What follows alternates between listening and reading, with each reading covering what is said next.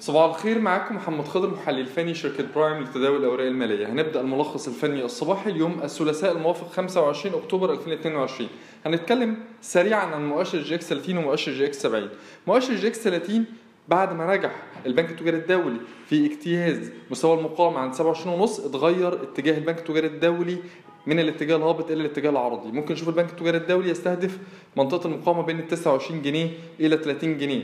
وبالتالي ده دعم التغير باتجاه الهابط للمؤشر على المدى القصير من الاتجاه الهابط إلى الاتجاه العرضي والمنطقة المرجحة أو المتوقعة بالنسبة لتحرك مؤشر جي إكس 30 خلال الفترة اللي جاية هتكون ما بين منطقة 9600 ل 9800 وده الحد الأدنى المتوقع للاتجاه العرضي ومنطقة ال 10500 إلى ال 10800 وده الحد الأقصى المتوقع للاتجاه العرضي.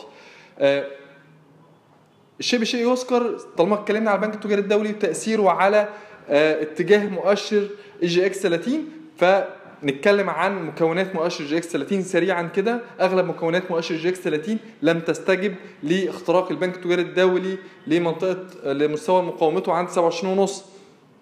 آه على سبيل المثال فوري ما قدرتش تتجاوز منطقة المقاومة بين 3 جنيه 3 جنيه 70 ل 3 جنيه 75 مجموعة من الهرابس ما قدرتش تكسر مستوى ال 12 جنيه ونص.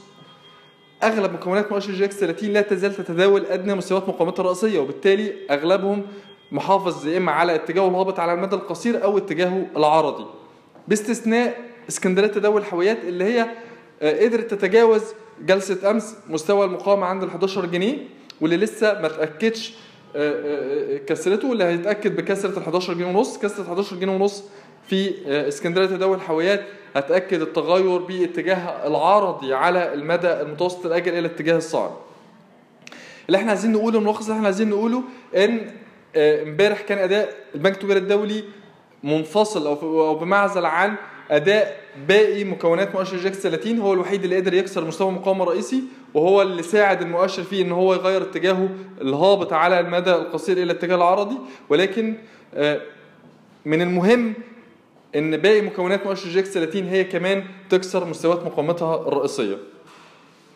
بالنسبة لمؤشر EGX 70 مؤشر EGX 70 اتجاهه الهابط مستمر طول ما هو بيتحرك أدنى منطقة المقاومة ما بين 2260 إلى 2280 وإحنا عدلناها من 2240 ل 2280 لأن هو جلسة امبارح وصل ل 2260 وبعدين تراجع منها بشكل كبير جدا في في منتصف الجلسة وعشان كده إحنا شايفين إن منطقة المقاومة الأهم اللي إحنا نركز عليها بالنسبة لمؤشر EGX 70 خلال الفترة اللي جاية هتكون ما بين ال 2260 ل 2280 حتى الآن أغلب مكونات مؤشر EGX 70 بتتحرك أو محافظة على اتجاهها الهابط على المدى القصير. مفيش مكونات جديدة قدرت إن هي تتجاوز مستويات مقاومة رئيسية. وبالتالي نظرتنا لا تزال سلبية على مؤشر جي إكس 70 وعلى مكوناته. شكرا.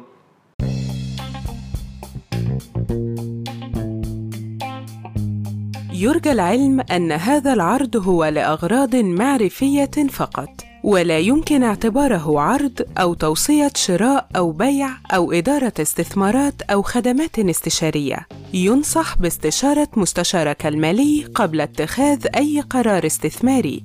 الأداء التاريخي ليس مؤشرا يعتمد عليه لتحديد الأداء في المستقبل.